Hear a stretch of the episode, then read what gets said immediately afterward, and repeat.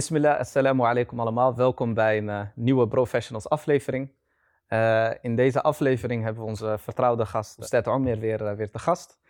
Um, Ustad Omer, ik wil het heel graag hebben in deze aflevering over het fenomeen je, je, levensvoorziening. Zoals we dat in het Arabisch noemen, je risk. Ja. Um, ik zou graag gewoon bij het begin willen beginnen. Wat is een risk?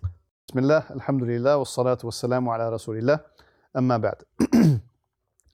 Allah subhanahu wa ta'ala, hij heeft de mens geschapen en hier op de wereld geplaatst. Uh, niet alleen een mens, maar elke schepping heeft hij geplaatst. En hij heeft ons duidelijk gemaakt waarom hij ons heeft geschapen, namelijk om hem te aanbidden. vervolgens is het zo dat de schepping natuurlijk behoeftig is. dat in tegenstelling tot Allah, die niets of niemand nodig heeft. Hij is niet behoeftig aan voorziening, hij is niet behoeftig aan eten, drinken, rust en al deze zaken. Terwijl de schepping dat wel is. En uh, onderdeel van de verhouding tussen Allah en de schepping is dat Allah degene is die de schepping voorziet van datgene wat het nodig heeft. Zo maakt Allah van zichzelf onafhankelijk, heeft niets nodig en hij is degene die voorziet, terwijl de schepping afhankelijk is en wordt voorzien door Allah. En het feit dat zij worden voorzien door Allah, dat is één van de redenen waarom wij Allah subhanahu wa ta'ala aanbidden. Dus dat is even samengevat het concept van, van rizq, uh, die Allah voorziet. Uh, Allah is degene die de volledige controle heeft over alles wat er gebeurt hier in de dunya. En dus ook de voorziening die de schepping krijgt, zowel de mate ervan als de inhoud ervan. Ja. En is rizq, kunnen we dat alleen maar beperken tot geld? Of is het breder dan dat? Rizq is uh, voorziening in elke zin van het woord. Um, in zo'n mate zelfs dat je bijvoorbeeld een, een, uitspraak hebt van de profeet sallallahu alayhi wasallam, waarin hij zegt dat de beste uh, vorm van rizq voor een man is een vrome echtgenote, bijvoorbeeld. Dus dit laat al zien hoe, uh, hoe diepgaand de term rizq is. Dat het gaat niet alleen over materiële bezittingen, denk aan goud, zilver, geld, auto's, kleding en dergelijke. het gaat ook over eten en drinken. Het gaat zelfs over een mate van rust die je ervaart in je leven. En alle andere zaken die je hebt in je leven, die je als het ware gebruikt. Die je nodig hebt als mens zijnde. Nu weten we, en dit horen we natuurlijk vaker, dat onze risk staat voorgeschreven. Ja. Dus al voordat wij uh, eigenlijk uh, geboren werden, stond dit al voorgeschreven. Ja. Kun je dit wat meer uitdiepen? Hoe kunnen we dit begrijpen? Kijk, het is de, de, de wijsheid van Allah dat hij op basis van zijn kennis en op basis van zijn kracht al weet wat er gebeurt voordat het gebeurt. En hij heeft derhalve ook alles wat gebeurt vastgezet in een boek. En um, niet om het te technisch en te ingewikkeld te maken, uh, maar om het simpel te houden, hij heeft alles dus al bepaald. Dat wil zeggen, hij heeft bepaald wanneer iemand ehm, wordt geboren, dus wanneer iemand tot leven komt, en wanneer iemand komt te overlijden. En gedurende zijn levensspannen gebeuren nog natuurlijk allerlei soorten zaken. En een van die zaken die gebeuren, is dat hij gedurende zijn leven een bepaalde voorziening krijgt. En we hebben net toegelicht hè, dat dat op alle verschillende manieren tot uiting kan komen. Dus Allah heeft van tevoren ook al bepaald wat voor voorziening deze persoon gaat krijgen en de mate daarvan. En um, dat betekent dus dat uh, dit iets is wat de dienaar rust zou moeten geven. Dat het iets is wat al is bepaald en Allah heeft bepaald dat de voorziening die de dienaar krijgt, uh, voldoende zal zijn voor diegene om uh, van te leven en mee rond te komen. En kunnen we daaruit begrijpen dat, dat, dat die portie van een risk die voor ons is voorgeschreven, dat we die zullen ontvangen in dit wereldse leven alvorens we het graf inkomen. En dat onze handelingen geen impact hebben op of we meer of minder daarvan zullen ontvangen. En dat we die portie zullen krijgen wat al van tevoren is voorgeschreven? Ja, dat is wel het uitgangspunt. Dat is het uitgangspunt. Je hebt bepaalde uh, uitspraken van de profeet sallam die uh, lijken te hinten naar dat onze uh, handelingen wel invloed hebben. denk bijvoorbeeld aan het feit dat de profeet sallam heeft gezegd dat degene die wilt dat zijn risk vermeerdert, hij dient de familiebanden te onderhouden. Uh, zo heb je een andere hadith waarin de profeet sallam zegt dat, uh, dat uh, hij zei, laat mij de zwakkere in jullie samenleving zien. Want ehm, voorziening en de hulp van Allah komt slechts wanneer jullie goed omgaan met de zwakkere. Dus dit zijn voorbeelden van uitspraken die de indruk wekken dat jouw handelingen direct impact hebben op de, de mate van jouw risk. Uh, maar in werkelijkheid is het een, een diepe theologische discussie die we niet uh, heel ingewikkeld en diep hoeven te voeren hier. Maar uh, dit heeft vooral betrekking op het feit dat de mens wordt aangespoord om te handelen naar die zaken die worden genoemd, zodat de risk die hij zal krijgen zijn kant op zal komen. Maar wat betreft het uitgangspunt is inderdaad dat iedereen zijn risk vaststaat en dat je eigenlijk hoog of laag kunt springen zo, zoveel je maar wilt, maar dat jouw handelen geen directe impact heeft op wat jouw risk wordt. In die mate zelfs uh, dat de profeet Hassan heeft gezegd, de, de, uh, de dienaar die kan vluchten voor zijn risk, net zoals dat hij vlucht voor de dood. Dus de dienaar kan vluchten voor zijn risk, net als dat hij vlucht voor de dood. Maar toch zal zijn risk hem bereiken. Nou, als je hier even bij stilstaat, dan is het feit dat de profeet sallam alleen al de vergelijking maakt met vluchten voor de dood, is heel diep. Want uh, als je om je heen kijkt, uh, er zijn verschillende manieren om te vluchten voor de dood. We vluchten allemaal voor de dood op de een of andere manier. En dat kan op een hele directe manier of op een hele indirecte, subtiele manier. De indirecte, subtiele manier is dat wij vluchten voor de dood door bijvoorbeeld gezond te, te, leven. Dat we letten op wat we eten en drinken. Waarom? We willen niet ziek worden. En waarom willen we niet ziek worden? Om uiteindelijk dood te gaan. Dat we sporten bijvoorbeeld. We zorgen voor ons lichaam. Uh, dat we allerlei andere dingen doen in ons leven. We pakken onze rust, we, we, genieten met mate. Om ervoor te zorgen dat de kwaliteit van ons leven dusdanig is dat we een lang leven zullen leiden. Dus dat zijn allemaal subtiele manieren om te vluchten van de dood. Um, dus dat laat zien hoe, hoe dat vluchten voor de dood een impact heeft tot in de kleinste details in ons leven. En dat is hoe hij, uh, sallallahu uh, het vergelijkt als het gaat om het vluchten van risk. Dus dat wil zeggen, zelfs als jij zou vluchten van risk, op die manier zoals jij vlucht voor de dood, dus niet alleen, je gaat niet werken, je weigert te werken, je weigert ook maar in de buurt te komen van bronnen van inkomsten en alles wat daar ook maar in de buurt komt, je bent er actief mee bezig om dat van je af te houden, zelfs dan zal jouw risk zal jou bereiken. Dus die rest staat vast en die komt jouw kant op. Wat ik ook interessant vind aan de voorbeelden die je net aanhaalt, waarin de professor Salem lijkt te hinten naar dat onze daden impact hebben op, op onze risk. Als je er puur materialistisch naar zou kijken, de methodes die je zou verwachten om jouw risk te verminderen. Klopt. Vaak denken we aan, ik moet meer uren gaan draaien om meer inkomsten te vergaren. Ja. En, en, die hint lijkt, of de, de, de verwijzingen zitten meer in het verrichten van goede daden, opdat dat weer jouw voorziening vermeerderd. Niet alleen dat, er zijn zelfs teksten die duiden op, op uh, het tegenovergestelde. Dat wanneer jij uh, als persoon zijnde uh, extra nadruk gaat leggen op het achteraan jagen van de dunya, dat dat juist als gevolg heeft dat je er minder van krijgt. Ja, zo heb je een overlevering waarin de profeet sallam zegt, wees gematigd in het talab dunya, oftewel in, in het verkrijgen van de dunya, in het verdienen van geld en dergelijke. Wees gematigd daarin. Waarom? Iedereen zal geleid worden naar datgene wat voor hem bestemd is.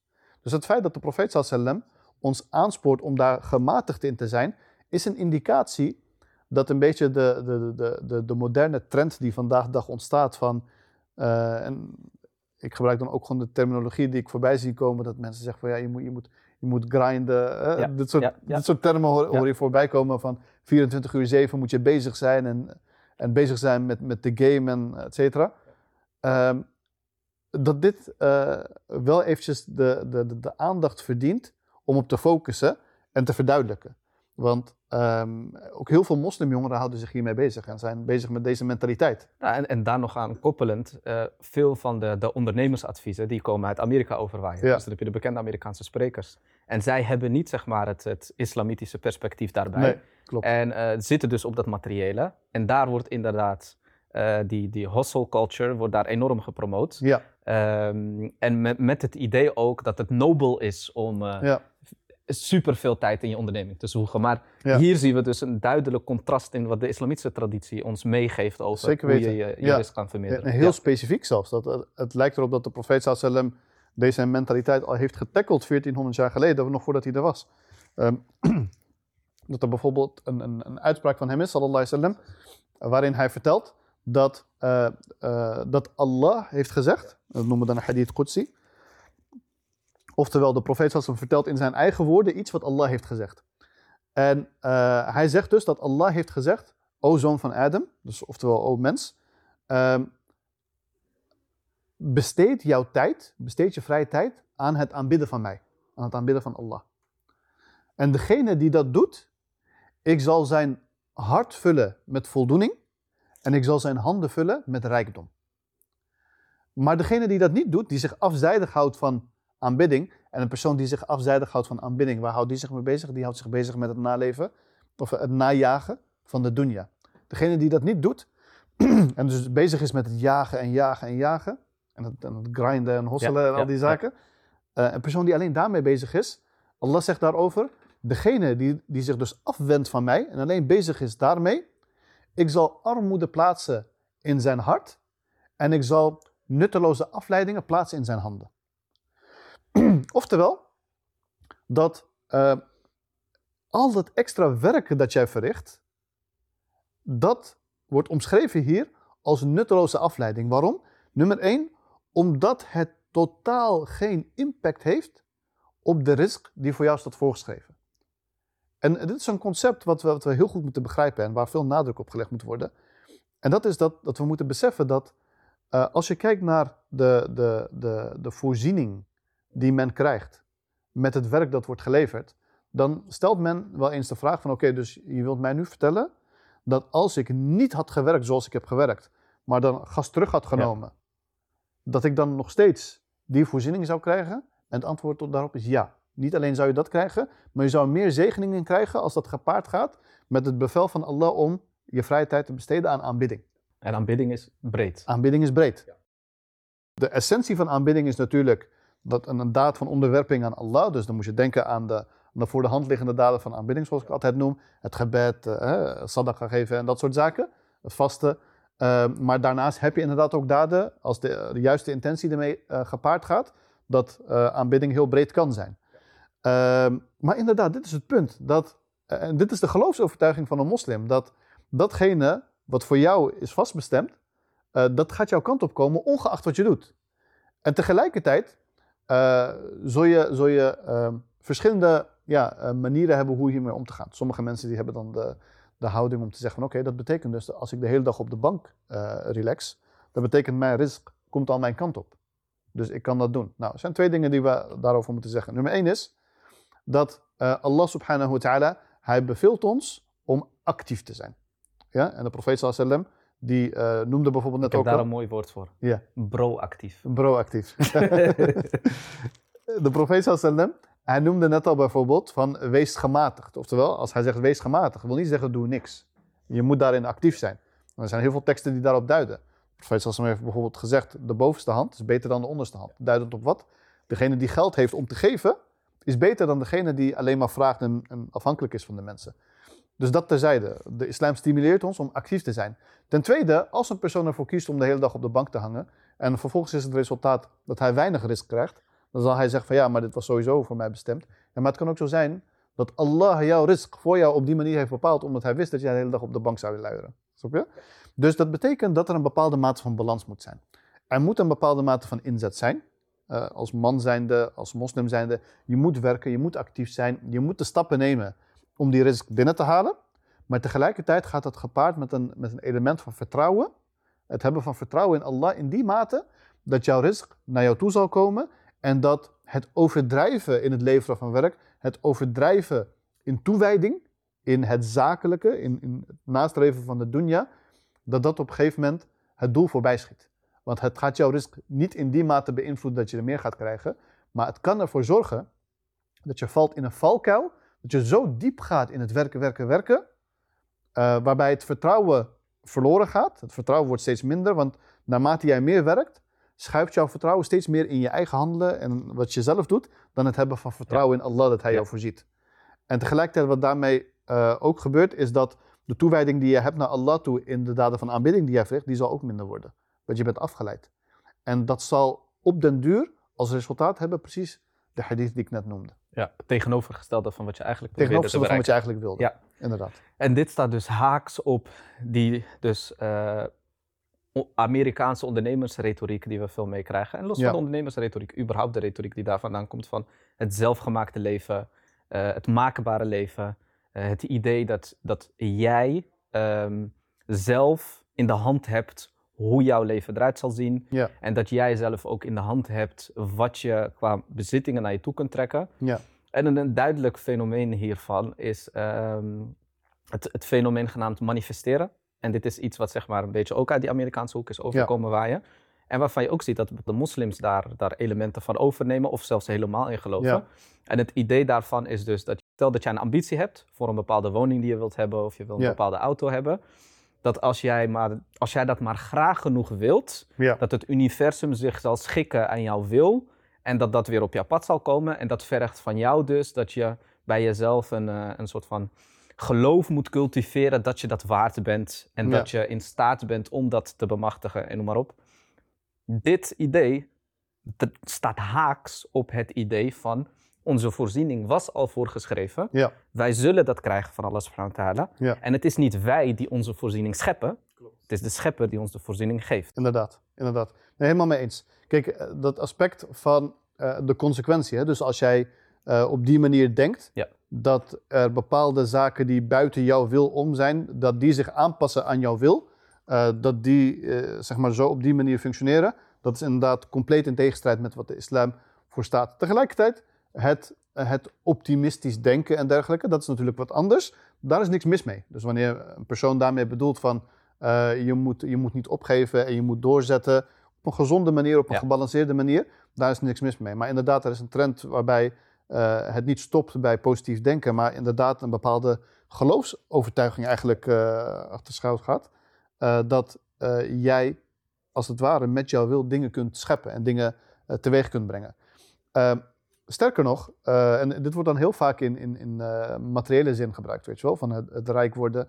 Als jij, als jij ehm, je hoofd er maar toe zet, dan, dan ga je het behalen en dan ga je rijk worden. En ik moet ook zeggen, dat is, dat is ook iets waarbij ik heel sterk het vermoeden heeft dat daar heel veel misbruik van wordt gemaakt. Vandaag de dag wordt, wordt er heel veel gepresenteerd. We hadden het net over die trend, weet je wel, van allerlei self-made gurus, weet je wel, die Ja. allerlei dingen, g- gouden bergen beloven aan de mensen. Van, hé, hey, kijk, ik rij een AMG, jij kunt het ook, door zo en zo te doen. En er komt er altijd weer een of andere cursus bij kijken Ja. die, eh, die je dan neemt. Eerst een gratis webinar en daarna moet je dan eh, aanmelden voor een cursus van weet ik veel hoeveel honderden euro's. Ze verkopen je eigenlijk dit wereldse leven. Ze verkopen je een, een hallucinatie. Snap je? Die, die schetsen ze eerst voor jou. Die schetsen ze door middel van social media, door middel van de camera. En met de camera kun je een prachtig beeld verkopen. Het is heel makkelijk om de mooiste verhalen neer te zetten. Door met een huurauto te komen en, en te, te zeggen van... hé, hey, ik heb hem eindelijk, het was mijn droomauto, bla bla bla. Om dan vervolgens een, een bepaald beeld te schetsen... en dan vervolgens mensen wijs te maken... dit kun jij ook als je dit en dit en dit doet. Want het wordt een verhaal. Ja. Die persoon zegt ook van, ik was ook zoals jij. Ik had ook een 9 tot 5 baan. Ik werkte ook bij de Albert Heijn. Ik, was, ik werkte ook in een callcenter. Maar ik was het zat. Ja. En, en de kritiek eh, die we hier nu op uiten, is niet de kritiek van: hey, nee, blijf vooral 9 tot 5 werken. Nee, absoluut niet. Dat is niet wat we zeggen. Alleen eh, maak die beslissingen met de juiste overwegingen en de juiste redenen. Het onafhankelijk zijn en willen zijn is een heel nobel streven. Eh, als iemand zegt, als een, een, een, moslimjongere tegen mij zegt: Ik wil gaan ondernemen, ik juich dat toe. is mooi om dat te doen. Eh, ik zeg er wel altijd bij: het ondernemen moet wel in je zitten. Het is niet voor iedereen weggelegd. Maar dat betekent dat je moet gaan zwoegen. Je moet, je moet risico's gaan nemen. Dat komt kijken bij het ondernemen. En dat is iets wat niet veel wordt verteld. De risico's, wil niet zeggen roekeloos zijn. Eh, ik zag een keer een filmpje voorbij komen van iemand die zei van ik had, eh, ik had gewerkt, ik had een x bedrag verdiend. Ik heb alles uitgegeven aan crypto, is ingestort. Ik heb geld geleend, heb ik weer in crypto gegooid, is weer misgegaan. Toen heb ik geld van mijn moeder geleend, was al haar spaargeld dat zat. Heb ik weer in crypto gedaan, is ook ingestort en ik ben verder gegaan. En hij presenteerde dat dan als van zie je, ik ben een doorzetter, ik ben standvastig. Dit, dit is idioterie, dit is niet, eh, dit is, dit is niet verstandig. Je bent andermans geld aan het weggooien, waar heb je het over? Dus eh, wanneer we zeggen je moet, je moet eh, onafhankelijk zijn, je moet ondernemen, er gaat wel intelligentie bij kijken, komen kijken. Een van de tips die ik altijd geef, wil jij gaan ondernemen, je bent nu zeg maar in loondienst, je wilt gaan ondernemen, ik zeg nooit tegen mensen stop met je baan. Hou je baan vast en doe het ondernemen wat je doet, doe het ernaast. Want het ondernemen wat je doet gaat sowieso niet de eerste paar jaar, in normale situaties, gaat het niet winstgevend zijn. Laat staan dat het voldoende is om jouw kosten te dekken.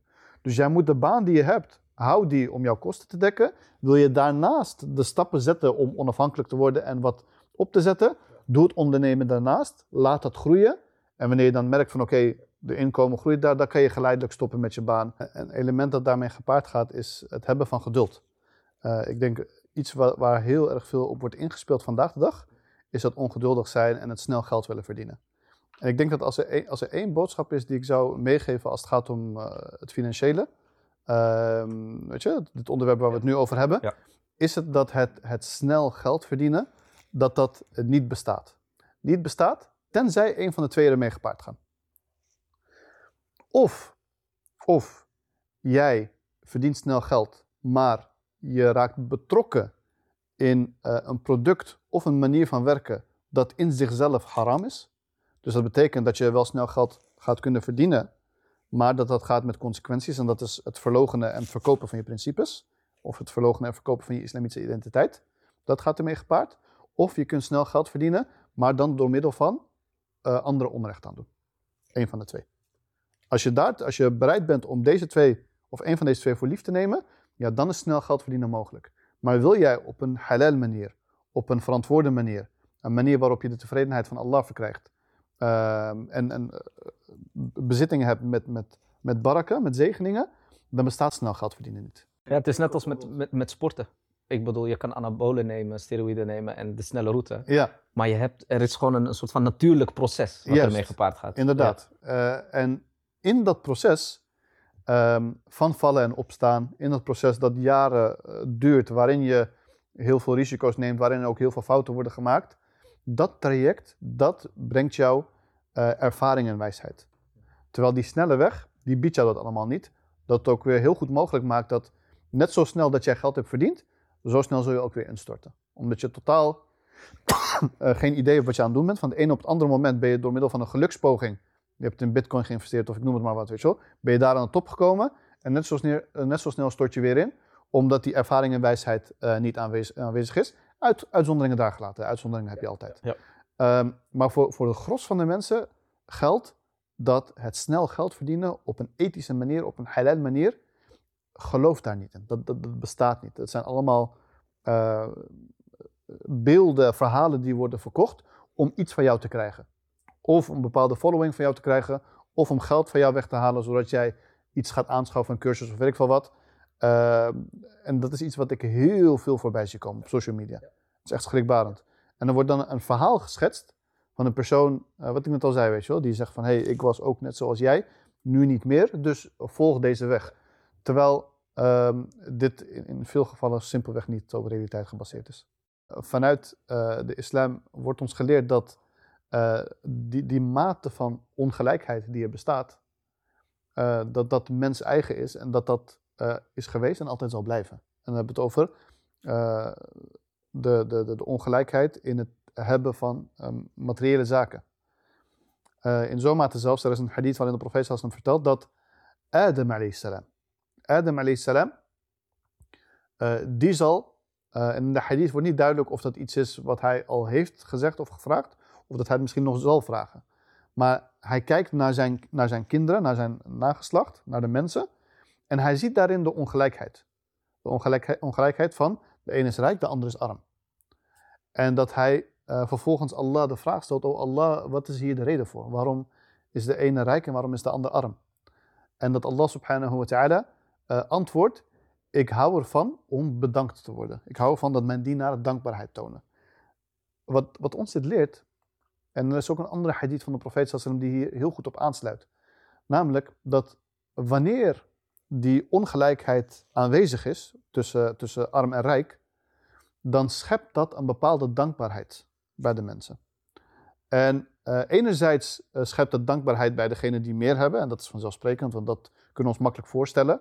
Dat op het moment dat je kijkt naar de bezittingen die je hebt, en dan kijkt naar mensen die dat niet hebben, dat de, de gezonde reactie zou zijn: oh alhamdulillah dat, dat ik dat heb. Um, en als ik zeg rijk en arm, uh, dit, zijn, dit zijn termen die je op heel verschillende manieren kunt interpreteren. Want als ik het heb over rijk en arm, heb ik, wanneer ik spreek over rijk, heb ik het ook over jou en mij en de mensen die kijken. In die zin van, als je ons vergelijkt met mensen die arm zijn, dan zijn wij de rijkste op de wereld. Ja. Uh, ja. Dus die verhouding heb je altijd. En zo ook onder iemand die je zou scharen onder arm, heb je ook verschillende gradaties. De ene die heeft helemaal niks, de ander die heeft tenminste elke dag wat te eten. Die is ten opzichte van de andere is hier rijk. Ehm, dus die verhoudingen heb je altijd. En die verhoudingen, de gezonde reactie daarop, is de reactie van dankbaarheid. De reactie van dankbaarheid. En tegelijkertijd spoort de islam ons aan om degene die die dankbaarheid tonen, om die ongelijkheid, ehm, om die te verminderen. Om die te verminderen. Hoe? Door de rijkeren aan te sporen om veelvuldig sadaqa te geven. En dan komt die hadith, uh, komt in gedachte waar ik het net over had, dat de metgezellen van de profeet sallallahu alayhi wasallam, en dan met name de armere metgezellen, die dus niet zoveel geld hadden om te besteden, die gingen naar de profeet sallallahu alayhi wasallam toe om hun beklag te doen over de rijkere metgezellen. Wat was hun beklag? Niet van waarom zij zijn rijk, waarom zijn, zij, waarom zijn wij arm. Nee, hun beklag was, omdat zij rijk zijn, hebben zij het vermogen om sadaqa te geven. Om liefdadigheid te geven. Iets wat wij niet kunnen. Dus zij voelden zich uh, achtergesteld in die zin van, zij kunnen een daad van aanbidding verrichten die wij niet kunnen verrichten. Dus dat laat ook wel wat zien over de mindset van de metgezellen. Dat als we het hebben over rijkdom, hoe zij naar keken. Zij keken naar, zij zijn rijk, dus zij kunnen meer weggeven. Als een middel. Ja, en wij kijken, oké, we zijn rijk, we kunnen meer uh, bij ons houden en misschien uitgeven aan onszelf. Terwijl de metgezellen, die, die, die ervaarden geluk in geld, maar ze ervaarden geluk in geld door het weg te geven, omwille van Allah. Dus uh, deze metgezellen, dus hij deden hun beklag. En de profeet sallallahu alayhi wasallam, hij leerde hen, maar weten jullie dan niet dat in elke subhanallah, in elke alhamdulillah, in elke Allahu Akbar, la ilaha illallah, dat daar sadaqa in zit? Weten jullie dan niet dat het oproepen tot het goede en het verbieden van het slechte, dat daar ook sadaqa in zit? En de metgezellen die namen dat, die werden blij, die gingen dat uh, toepassen. En de volgende dag kwamen ze weer bij de profeet Sassan. Weer ontevreden, weer klagen. De profeet zei, wat is er aan de hand? En ze zeiden van, de rijken hebben het ook gehoord, nu doen ze dat ook. ja, dus de rijken die geven nu en hun geld dat ze hebben, geven ze als liefdadigheid. En de dikker en het oproepen naar het goede en het verbieden van het slechte, dat doen ze ook. Dus wat is er nu voor ons? En waarop de profeet sallallahu alayhi wasallam zei, hij zei, dit is dhalika fadlullahi yu'tihi man yasha. Oftewel, dit is een, een gunst van Allah, hij schenkt die aan wie hij wil. Dus uh, de, de, de, de, uh, ja, de gunst van het vermogen zijn is een gunst als je er juist mee omgaat. Tegelijkertijd het vermogen zijn en er onverantwoordelijk mee omgaan is eerder een vloek. Dus die ongelijkheid die bestaat, uh, die is daar heel bewust geplaatst door Allah. En het is Allah als Heer van hemel en aarde die bepaalt wie daarvan wat krijgt en wie daar niets van krijgt of minder van krijgt. Dus onze, onze voorzieningen, onze risk, die staan voorgeschreven. Uh, we kunnen vluchten als hoe wij vluchten voor de dood, maar we zullen die portie ontvangen die voor ons is voorgeschreven. Ja. Uh, en, en, wat je net ook benoemde, is er zit dus een, een soort van delicate balans in op een gezonde manier um, proberen proactief te zijn, proactief te zijn ja. om die middelen te vergaren. Ja. Maar dat het gevaar hem zit in daarin doorschieten. Ja. En, en, dat is een, een, hele delicate balans. Want wanneer weet je nou aan welke, aan welke kant je zit? Ja. Wat zijn een aantal uh, ja, adviezen die we daarin kunnen ja. gebruiken? Kijk, allereerst um, het streven uh, om vermogend te zijn. Uh, en streven om rijk te zijn en veel geld te verdienen. Uh, dat streven hebben op zichzelf hoeft niet fout te zijn. Want dat streven hadden sommige metgezellen ook. En sommige van de mensen die na hen kwamen, hadden het ook. We kennen de voorbeelden van de metgezellen die heel rijk waren. Ja. We kennen de voorbeelden ook van de mensen daarna die heel erg rijk waren. En dat, dat is niet zomaar ontstaan, dat is omdat zij ervoor werkten. Uh, omdat zij de, de, de sebeb uh, daarvoor zetten, is die risk hun kant op gekomen. Uh, en op het moment dat zij daarnaar streefden en daarvoor werkten, uh, zij baseerden dat streven op het onafhankelijk willen zijn. En dat is een belangrijk, uh, belangrijk gegeven. En ik weet dat dit punt ook veel wordt aangehaald door de moderne uh, zeg maar, trendsetters in, in het, in het, in het geld verdienen. Dat dat als, als voornaamste ja. punt naar voren wordt geschoven. Je moet onafhankelijk zijn. Alleen wat, wat ik hier bedoel met onafhankelijk zijn, is wat anders dan wat zij bedoelen met onafhankelijk zijn. Uh, wat zij bedoelen met onafhankelijk zijn is je kunt kopen wat je wil. Niemand kan jou zeggen wat, die, zeg maar, wat jij moet doen. En uh, je bepaalt je eigen leven, hoe je die leeft. En je hoeft nergens rekening mee te houden. Dat is wat we bedoelen met onafhankelijk zijn, volgens die trend. Wat ik bedoel met onafhankelijk zijn, is dat je je, je integriteit kunt bewaren. En je religieuze normen en waarden, dat je daarover kunt waken. En die kunt uitdragen zonder dat je wordt gehinderd van buitenaf. En het is een fundamenteel verschil. Ja. Namelijk dat de focus bij eh, onafhankelijk zijn waar ik het over heb, heb ik het nog altijd over onafhankelijk willen zijn om jouw religieuze verplichtingen na te komen en dat verder te verspreiden. En ook op die manier te kijken naar de bezittingen die jij hebt. Want eh, als ik een voorbeeld mag schetsen. Ja. Ehm, een van de, van, de, van de vroegere moslims, Abdullah ibn Mubarak, is een van de, van, van de Salaf, zoals wij die noemen, van de eerste generatie moslims. En hij was een, een, een geleerde, hij had heel veel studenten en tegelijkertijd stond hij bekend als iemand die heel erg vermogend was, was heel erg rijk. En uh, hij had zijn rijkdom, uh, die zet hij in op een hele specifieke manier. Wat was die manier? Hij zette zijn rijkdom in, niet uh, door zichzelf aan te kleden of luxe te wonen of wat dan ook. was van hem bekend dat hij juist heel erg simpel woonde. Maar hij gebruikte zijn geld om te geven aan zijn studenten, zodat zijn studenten alle vaste lasten die ze hadden konden dekken en hun tijd niet hoefden te verspillen aan werken en op de marktplaats staan om geld te verdienen, maar dat ze die tijd konden besteden aan kennis vergaren. En zo de nieuwe generatie geleerden uh, werden opgeleid. Dus dit is de onafhankelijkheid waar ik het over heb. De onafhankelijkheid bijvoorbeeld zoals die van een imam Abu Hanifa, ook een van de eerdere moslims, die ook bekend stond als een handelsman. En hij had dan een partner met wie hij samenwerkt, een zakenpartner. Terwijl imam Abu Hanifa in de moskee les aan het geven is en dergelijke, is zijn handelspartner is op de markt aan het handelen. Met geld wat van hun beiden was. En die winst die deelden ze dan. En Abu Hanifa, hij gebruikte dat geld uh, zelf om uh, zeg maar te kunnen opereren in die samenleving waarin politieke invloed heel sterk aanwezig was.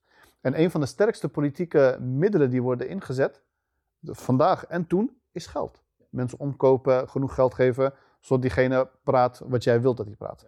En Abu Hanifa, hij was niet vatbaar voor die verleiding, omdat hij zelf die middelen had. Hij had het geld. Dat zorgde ervoor dat hij soms kritisch kon zijn. Dat zorgde ervoor dat hij kon preken wat hij wilde, want hij hoefde zich geen zorgen te maken over wat hij in zijn zak had. Maar ook hier weer zie je dat hij dat geld niet gebruikt om zichzelf rijk te maken of zichzelf te onderscheiden van de mensen, maar dat hij dat geld puur en alleen gebruikte voor zijn religieuze integriteit. Dus dat is de mate van onafhankelijkheid en dat is het soort onafhankelijkheid uh, wat het gezond maakt om te streven naar geld, maar dan nog altijd met die gematigdheid waar de profeet Sassalam het over had, als het gaat om het zetten van de stappen.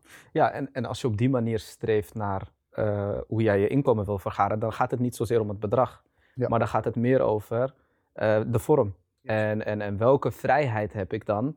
En uh, dat bedrag hoeft helemaal niet een heel hoog bedrag te zijn. Dat kan je, als je niet overmatige luxe in je leven ja. nastreeft, dan kun je al relatief snel op dat bedrag komen waar je die onafhankelijkheid zeker weten, hebt. Zeker weten. Er, er zijn voorbeelden van, van, van, van uh, uh, geleerden, zeg maar, die, die dus ook ondernemers waren en streefden naar, naar het onafhankelijk zijn. En er zijn er veel van te noemen, die dan bijvoorbeeld een, een, een winkeltje hadden op de markt. En zij dus uh, bepaalde producten verkochten. En dat er heel veel voorbeelden zijn van geleerden die dan in de ochtend bijvoorbeeld hun winkel openden. doen een paar transacties hebben nu voldoende om de hele dag of de hele week mee rond te komen, die sluiten de winkel. En die zeggen dus, nu heb ik genoeg om de hele week mee rond te komen. Dat was hun mentaliteit. Want ik heb nu genoeg, dus klaar. Maar de mentaliteit van vandaag, die claimt ook onafhankelijk te willen zijn, maar die zou nooit van zijn leven de winkel sluiten. Die zou zeggen, kan ik hem misschien niet nog eerder openen om nog meer binnen te halen? Kan ik niet of nog, nog meer medewerkers aannemen? Nog meer, groter en groei, meer, groei, snap groei. je? Ja. Dus de focus, ondanks dat ze allebei hetzelfde claimen, de ene gaat naar rechts, de andere gaat naar links. En om dat te onderscheiden van elkaar is essentieel voor een moslim, zodat hij niet valt in die valkuil van, oké, okay, onafhankelijk willen zijn, maar om de verkeerde redenen. Ja.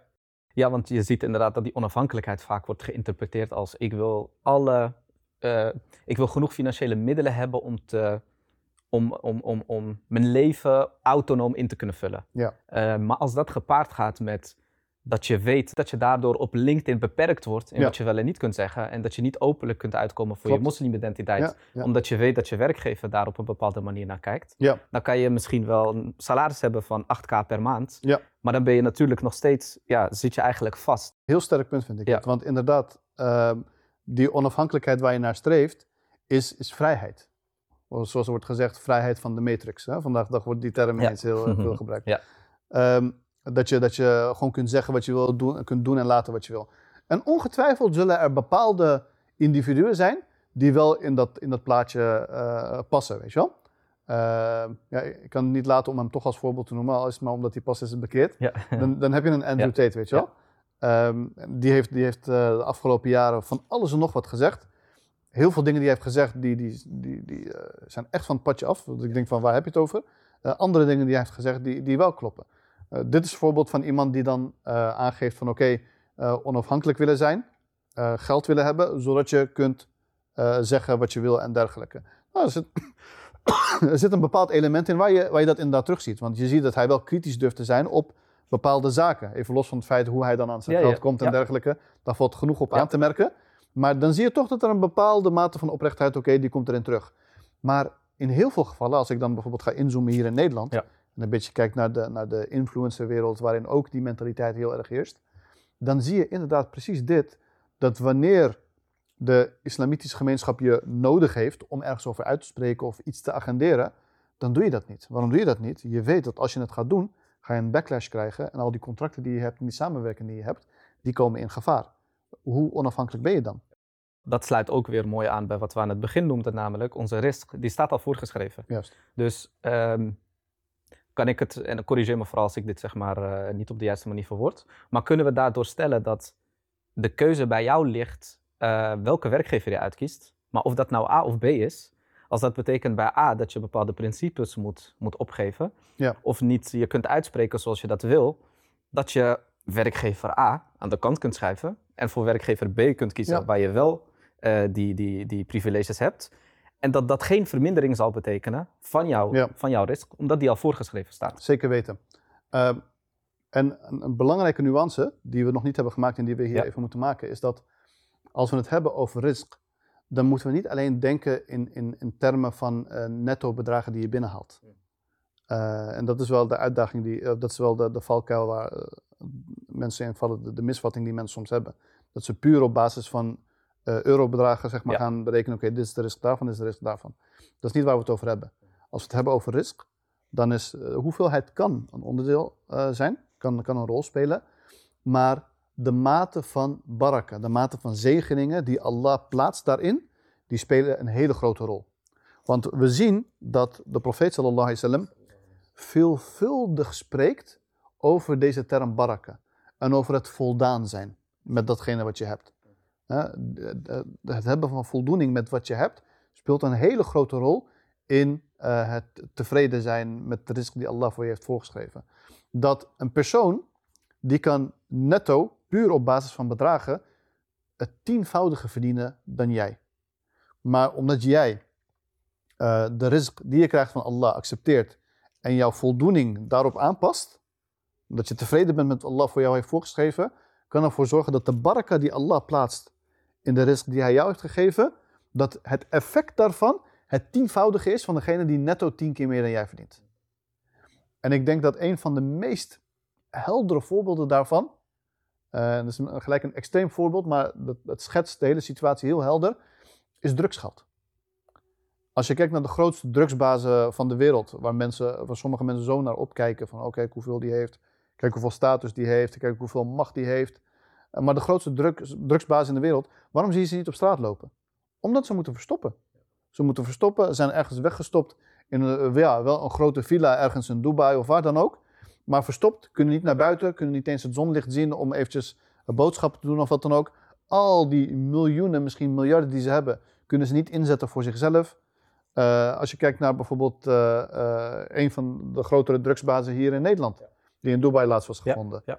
Eh, de omstandigheden waarin die werd gevonden. En een van zijn eh, vrienden in Colombia, en zo'n appartement waarin hij woonde, dat ik denk van, eh, mijn huis ziet er mooier uit dan, dan, dan, dan zijn appartement daar. Eh, maar die man die, die verdient miljoenen per maand. Ja, maar dit is een heel krachtig punt die je maakt. Dus in, in, in hoeveelheid, het bedrag aan zich is hoger, Ja, maar de mate van genot en de mate van risico die, die je hebt. Ja. dus we zouden ons niet blind moeten staren om puur Juist. het, het netto bedrag wat er overblijft. Eh, namelijk, we kunnen kiezen voor werkgever A, waar je misschien een netto salaris hebt van 10k per maand. Ja. Maar waar je dus inderdaad beperkt wordt in je principes en in je bewegingsvrijheid. klopt. En we zien dat bijvoorbeeld heel sterk naar voren komen met het, het vrijdagmiddaggebed, Juma. Ja. Eh, dat, dat, ehm, dat daar op een hele ja, makkelijke manier mee om wordt gegaan. En dan kun jij misschien wel die 10k verdienen per maand. Maar degene die een, een simp of een, een, hoeft niet per se simpel te zijn, maar een andere functie heeft, die misschien een derde daarvan verdient, maar wel de mogelijkheid heeft om Juma te bidden en zijn verplichtingen na te komen, Ja. dat daar veel meer zegeningen in zitten. En dat hij veel ruimer en beter en ja, gezonder kan leven dan dat jij kan met dat, met dat specifieke bedrag. En dat is ware onafhankelijkheid. Ja. Dat is dat je je leven kunt indelen zoals je wil, maar dan gebouwd op jouw religieuze normen en waarden, je religieuze principes. En dat is aan het eind van de dag waar je het voor doet. Want als je, als je dat er niet mee kunt verkrijgen, wat voor toegevoegde waarde heeft dat geld, wetende dat eh, het wereldse leven tijdelijk is, eh, dat het komt te eindigen en dat het geld waar jij zo hard voor hebt gewerkt, wat je nu hebt, wanneer jij komt te overlijden, wordt het in de schoot geworpen van een ander. En eh, het haakte in, heel mooi in op de, de vorige podcast die we hadden over het formuleren van een levensmissie. Ja. Want de, de, zeker de hoeveelheid tijd die we tegenwoordig spenderen aan ons werk bepaalt voor een heel groot deel hoe onze week eruit zal komen te zien. En ehm, op het moment dat jij voor jezelf in jouw levensmissie hebt geformuleerd dat je op de, ja, de beste manier eh, jouw religieuze verplichtingen wil nakomen en op de beste manier een steentje wil bijdragen aan, aan de moslimgemeenschap, Ja. dan zal daar een element van, eh, van, van eh, hoe zeg je dat? Activisme mee gepaard gaan. In die zin dat je je uitspreekt tegen Ja. onrecht, dat je durft om dat publiekelijk bespreekbaar te maken en aan te kaarten. Ja. En, en, en als je dat dus als een van jouw onderdelen van jouw visie hebt, Ja. Dan moet je je carrière wensen daar natuurlijk op afstemmen. Ja. Dus dat zal betekenen dat bijvoorbeeld, eh, gewoon even open kaart, dat als jij ehm, voor de overheid een bepaalde functie wil najagen, Ja. dat je weet dat, zeker met de islamofobe klimaat waar we nu in leven, dat ze jou heel makkelijk op het matje kunnen roepen en terug kunnen roepen op het moment dat je heel vocaal ehm, punten aankaart die, die opkomen voor de moslimgemeenschap. En, en dat is nog heel passief. Hè? Ja. Dat voor- voorbeeld dat je noemt. Het kan zelfs zijn dat de dreiging nog groter wordt. Maar dat van jou wordt verlangd dat jij wordt ingezet om iets uit te dragen waar je helemaal niet voor staat. Dus we hebben het niet alleen over inleveren van je, van je eigen principes. Dat je stil moet zijn over bepaalde kwesties. Maar hoe ze het dan met juist wel uitspreken over iets. Eh, Als we, als we, als we het even uitzoomen hè, en Ja. niet alleen kijken naar individuen. Maar als we kijken naar, naar de wereld als, als geheel. Eh, je ziet bijvoorbeeld nu ook, eh, als, je, als je kijkt naar een, land zoals Qatar, dat nu het WK host, hoeveel druk er op ze wordt gezet om bepaalde dingen uit te dragen. En eh, een van de redenen waarom Qatar kan blijven staan waar ze staan, is vanwege de financiële onafhankelijkheid die ze hebben en de financiële kracht die ze hebben. Waardoor ze ook de, de, de autoriteit hebben om de kraan dicht te draaien. Waardoor ze gewoon kunnen zeggen van luister, dit is het. Daar blijft het bij. Maar denk aan, aan een ander land, een ander willekeurig eh, islamitisch land of moslimland, die misschien niet zo sterk is financieel gezien. eh, die kan gebruikt worden voor van alles en nog wat, zoals ook gebeurt. Nou, als dat het geval is met, met landen op, op het wereldtoneel, laat staan dan met, met een individu hier of daar. Die wordt zo ingezet. En, en dus, zoals je net al aangaf, de, de gevende hand, zoals de profeet sallallahu alaihi wasallam het aangeeft, de gevende hand is beter dan de, dan de ontvangende hand. Ja. En we kennen ook weer een eh, bekende overlevering van de profeet sallallahu alaihi wasallam, waarin hij aangeeft, de sterke moslim is beter of geliefder bij Allah dan de Ja. zwakke moslim. Dat, zijn, eh, dat, dat hint erop dat we worden aangespoord om een sterke, onafhankelijke positie te bemachtigen. Maar dan is dus waar we het net over hadden, die delicate balans van wanneer overdrijf ik en wanneer ga ik richting een extreem waarbij ik te veel dit najaag. Het is een kwestie van, van eh, herinnerd worden. Eh, ik, ik ben ervan overtuigd dat de, de meeste moslims die te maken hebben met deze uitdaging, van het, eh, de verleiding van het veel geld willen verdienen en dergelijke, dat ze dat doen met de beste intenties. Ik twijfel daar niet over.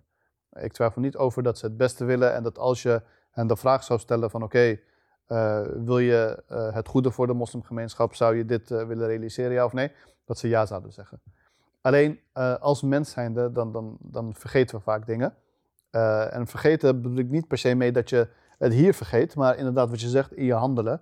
Eh, draai je soms misschien op automatische piloot, waardoor je soms gewoon handelt naar iets wat goed klinkt en meegaat eh, met de gedachte van oké, als gevolg hiervan zal ik veel gaan verdienen. Want wie zegt, daar, wie zegt nee tegen het veel willen verdienen, snap je? Dus dat is een, gegeven. Ehm, maar het herinneren en het scherp houden, en dat is de reden waarom dit soort gesprekken zo belangrijk zijn, eh, en dit soort thematiek belangrijk is om te blijven bespreken, om ervoor te zorgen dat we elkaar scherp houden wat dat betreft. Want eh, de, de, de, de grote uitdaging van geld is dat het een persoon corrumpeert. Eh, geld zorgt ervoor dat een persoon inlevert aan zijn principes. Dat, dat een persoon uh, een compromis gaat sluiten als het gaat om zijn overtuiging. Dit is de natuur van geld. Daarom zie je geld ook altijd bij de, bij de machtige, bij de elite.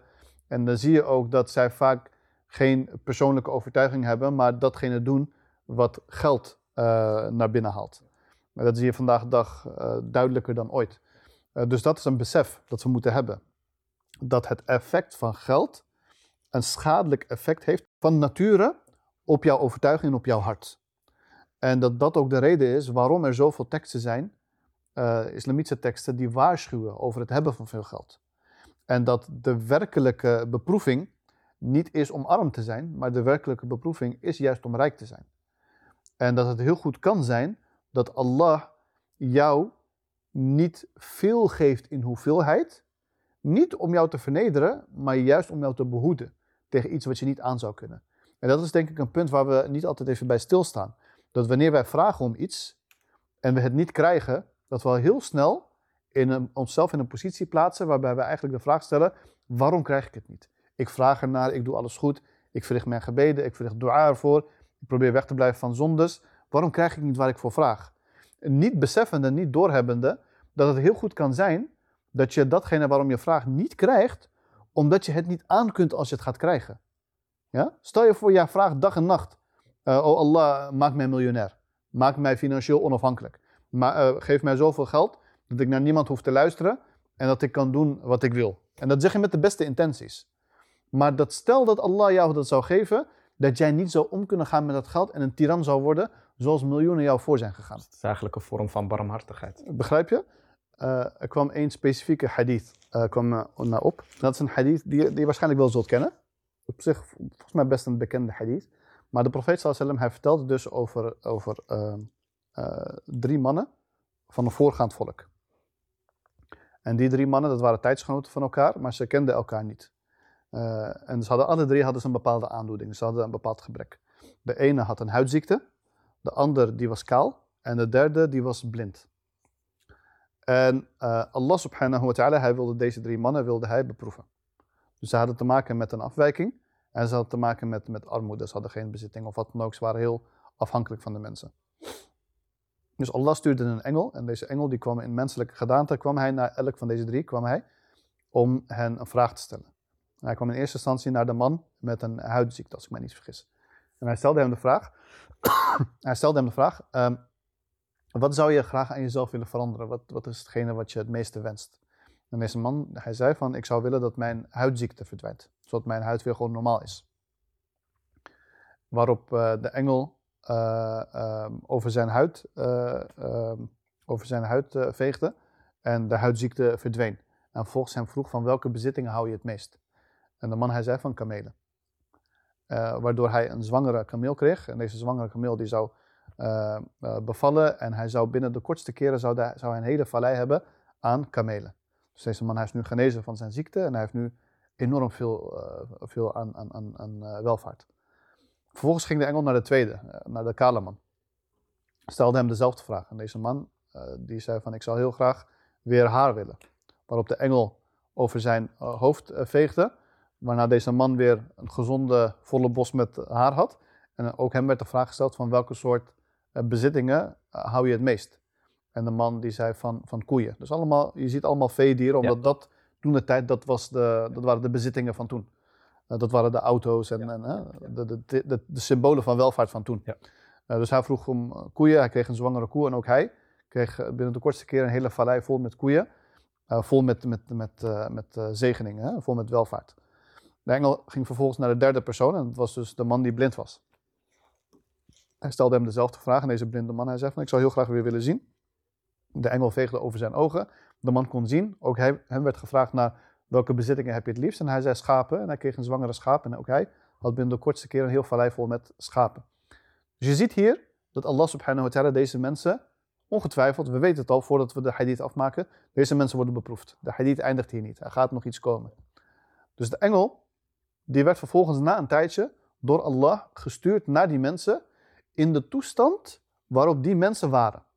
Dus dat wil zeggen, die engel die werd gestuurd naar die man die voorheen een huidziekte had. En die engel die kwam in menselijke gedaante als iemand met een huidziekte. En hij vroeg hem om hulp. Hij vroeg die man om hulp. En die man zei, hij zei van nee, ik kan jou niks geven. Uh, deze kamelen die zijn van mij. Ik heb ze zelf nodig. Uh, waarop die engel antwoordde, niet wetende dat het een engel is natuurlijk. Waarop die engel antwoordde van, hé, hey, wacht eens, was jij niet die en die? Was jij niet degene die ook last had van een huidziekte? Was jij niet die, ene die ook uh, arm was en dergelijke? En die man zei, hij nee, hij zei, ik heb dit zelf gedaan, ik heb nooit in die situatie gezeten, ik, ik heb het verdiend. Waarop de engel een dua deed. Hij zei, als jij liegt, mogen Allah jou terugbrengen naar de situatie waarin je in was. En deze man, die kwam inderdaad, uh, na een tijdje, kwam hij al zijn welvaart kwam hij te verliezen. En zijn ziekte kwam weer terug. En hij was weer in de toestand waarin hij verkeerde. De engel ging naar de tweede man. Dat was de man die nu haar had. En met koeien. Precies dezelfde situatie. Ook deze man ontkende. Hij zei van nee. En deze bezittingen die zei van mij, ik kan jou niks geven. Uh, ga weg van mij. De engel deed dua. En ook deze man keerde terug naar de situatie waar hij, hij zich in bevond. Nu ging hij naar de derde. Naar de man die voorheen blind was. Hij vroeg hem om hulp. En die blinde man, hij zei van, kijk om je heen. Wat je nodig hebt, pak het en neem het. Is geen probleem. En de engel die, die vroeg hem van, wat is de reden dat je zo, uh, zo gul bent? Waarop de man duidelijk maakte dat uh, hij dankbaar was uh, aan Allah. Dat hij deze zegening van Allah had gekregen. Dat Allah he, hem heeft begunstigd, Allah heeft hem genezen. En dat hij nu deze zegening die hij heeft gekregen van Allah, dat hij die niet kan ontkennen aan een ander die ook in de naam van Allah komt vragen. Waarop deze engel dua voor hem deed. Waardoor deze man zijn zegeningen bleef behouden. En niet alleen dat, maar dat ook de tevredenheid van Allah op hem zou rusten. Deze hadith die laat heel mooi zien hoe um, geld en bezittingen op een gegeven moment als een persoon uh, dat krijgt, hoe het zijn hart kan uh, verdraaien. En hoe het ervoor kan zorgen dat arrogantie zo hoog komt, dat zelfs de zegening van Allah die jij hebt gekregen op een moment dat je zo behoeftig was daaraan, dat je dat ontkent en vergeet en niet naar terugkijkt als jij in een situatie komt te zitten waarbij iemand anders in die situatie jou om hulp komt vragen. Dus de boodschap die ik zou willen meegeven is aan iedereen die uh, zowel degene die uh, in de situatie zit uh, in het begin, als degene die in de situatie zit als daarna. Bedoel ik degene die misschien met beproevingen zit en weinig bezittingen, als ook degene die nu veel bezittingen heeft. Wat betreft degene die geen bezittingen heeft, of die weinig heeft, zou ik willen zeggen, bereid jouw iman voor op dat moment dat Allah jou misschien iets van zijn zegeningen geeft, zodat jij in staat kunt zijn om niet te zijn zoals die man met die huidziekte of als die man die kaal was, maar dat je kunt zijn zoals die man die blind was, die weet te herkennen dat de zegeningen die hij heeft gekregen, dat hij heeft gekregen omwille van Allah. En dat je in staat zult zijn om dat terug te geven. En niet door het nu hard te roepen, want nu hard roepen is heel makkelijk. Het is heel makkelijk en iedereen doet het door te zeggen, als ik miljonair was of als ik leider was, dan zou ik dat en dat doen. Maar degenen die nu miljonair zijn en die nu leider zijn, wellicht zeiden zij dat ook toen zij dat niet waren. Dus dat betekent dat het hier van binnen, dat het hier fout zit en dat dat iets is waar je aan moet werken.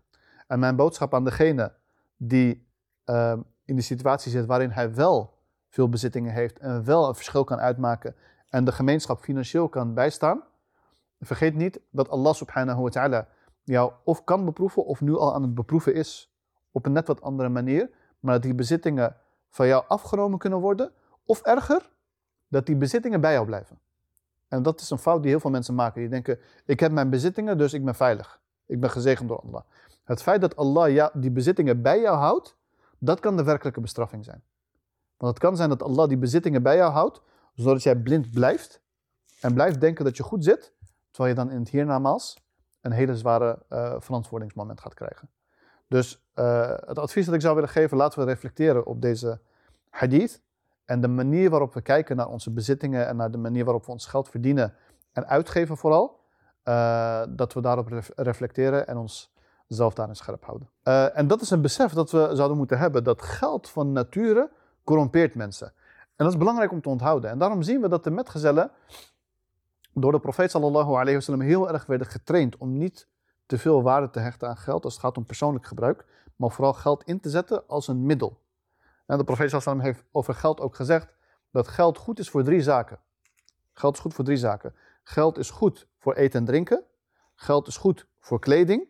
En geld is goed voor sadaqa. Buiten deze drie om is geld, is, is, is verspilling, afleiding, is niks waard. Ja, dus eten en drinken. Uh, en daarvan heeft de profeet sallam gezegd, datgene wat voldoende is om jouw rug recht te houden, dat is voldoende. wij eten vandaag meer dan voldoende is om rechter, Ja. eh, je rug recht te houden. Sterker nog, wij eten zoveel dat je eh, rug weer krom maakt, maar naar, naar de verkeerde kant op. Met een, met een eh baklava buik. Ja. Dus dat, dat is het ene. Ook als het gaat om kleding. Als jij geld besteedt aan kleding, onderdak en dergelijke, dus de basisbehoeften, ook daarin wees gematigd, is prima, mag je aan uitgeven.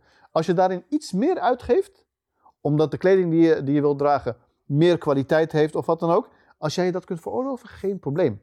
De islam verbiedt dat niet.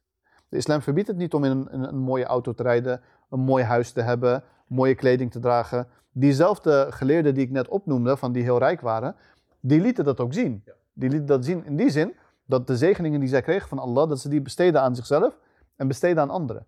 is geen enkel probleem. Alleen wees daarin gematigd. En dan als jij eh, je levensstijl wilt rechtvaardigen door aan de hand van deze twee, dat je zegt van ja, eten en drinken, eh, dat, dat is bekend dat eh, sommige van, van, van de vroegere moslims goed aten en dronken. Qua kleding is het bekend dat ze goede kleding hadden, mooie huizen hadden, mooie vervoersmiddelen hadden. Dat ga ik ook doen. Neem die derde dan ook in overweging. En dat, is, dat geldt ook goed is voor sadaqa. Want zij waren ook als het gaat om het geven, omwille van Allah en omwille van de gemeenschap, waren zij voorlopers. En de fout waarin we, eh, we heel vaak komen te vervallen, is dat wij denken dat sadaqa iets is voor de rijken. Snap je? Dat, dat, men denkt van oké, als ik eenmaal rijk ben, dan ga ik deze en deze problemen die te maken hebben met geld ga ik oplossen. Dan ga ik armoede bestrijden en dan ga ik honger bes- bestrijden en dan ga ik moskeeën bouwen en dergelijke. Eh, maar als het gaat om het gul zijn eh, en het willen geven omwille van Allah, dat is niet verbonden aan je portemonnee, dat is verbonden aan je hart. Dus dat betekent dat het aanwezig is met een volle of een lege portemonnee. Het is verbonden aan je hart. Op het moment dat jij geld hebt, dan ben je in staat om het direct weg te geven als het nodig is. Zoals de profeet hem daartoe in staat was. Zoals hij ook zijn gezinsleden heeft eh, onderwezen. En dat ook van Aisha en Asma, waren zussen van elkaar. Eh, van de ene was bekend, die, die stapelde eh, geld op en gaf het dan weg. En de andere, alles wat binnenkwam, gaf ze gelijk weg. Maar allebei hadden ze de focus van, het moet weg. Eh, we moeten het weggeven als sadaqa. Dus hun hart was niet verbonden met het geld. Zij gebruikten het geld wanneer het er was. Ze gebruikten het voor die praktische zaken die ze nodig hadden. Maar zo snel ging het ook weer weg. En daarom zie je dat er situaties waren van metgezellen die heel erg rijk waren. Maar dat er een moment kwam in hun leven dat ze moesten kiezen.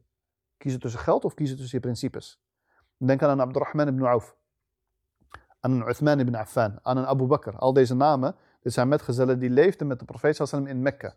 Nou, we weten in Mekka was de vervolging op een gegeven moment heel hoog geworden. Op een gegeven moment moesten ze de keus maken om te verhuizen naar Medina. Maar als ze zouden verhuizen naar Medina, moesten ze alle bezittingen die ze hadden, moesten ze achterlaten. Ze zouden dus alles kwijt zijn. Dat hebben ze gedaan. Dat hebben ze gelaten. Ze zijn verhuisd naar Medina omwille van wat? Omwille van Allah alleen.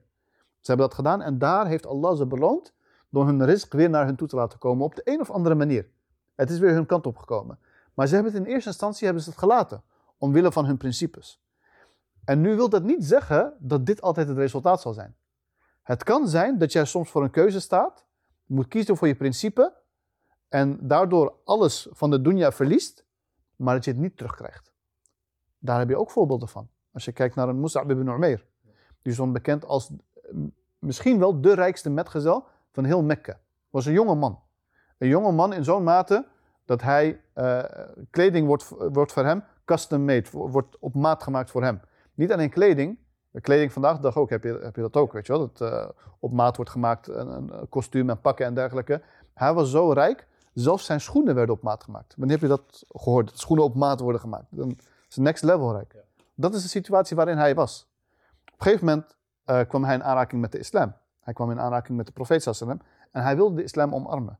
Maar zijn moeder, zijn familie, die wilde daar niks van weten. En hij stond op een gegeven moment voor een keus. Of je kiest voor de islam, maar dan eh, laat je al het geld liggen, is niks voor jou. Of je laat islam liggen en dan heb je toegang tot al het geld wat je maar kunt wensen.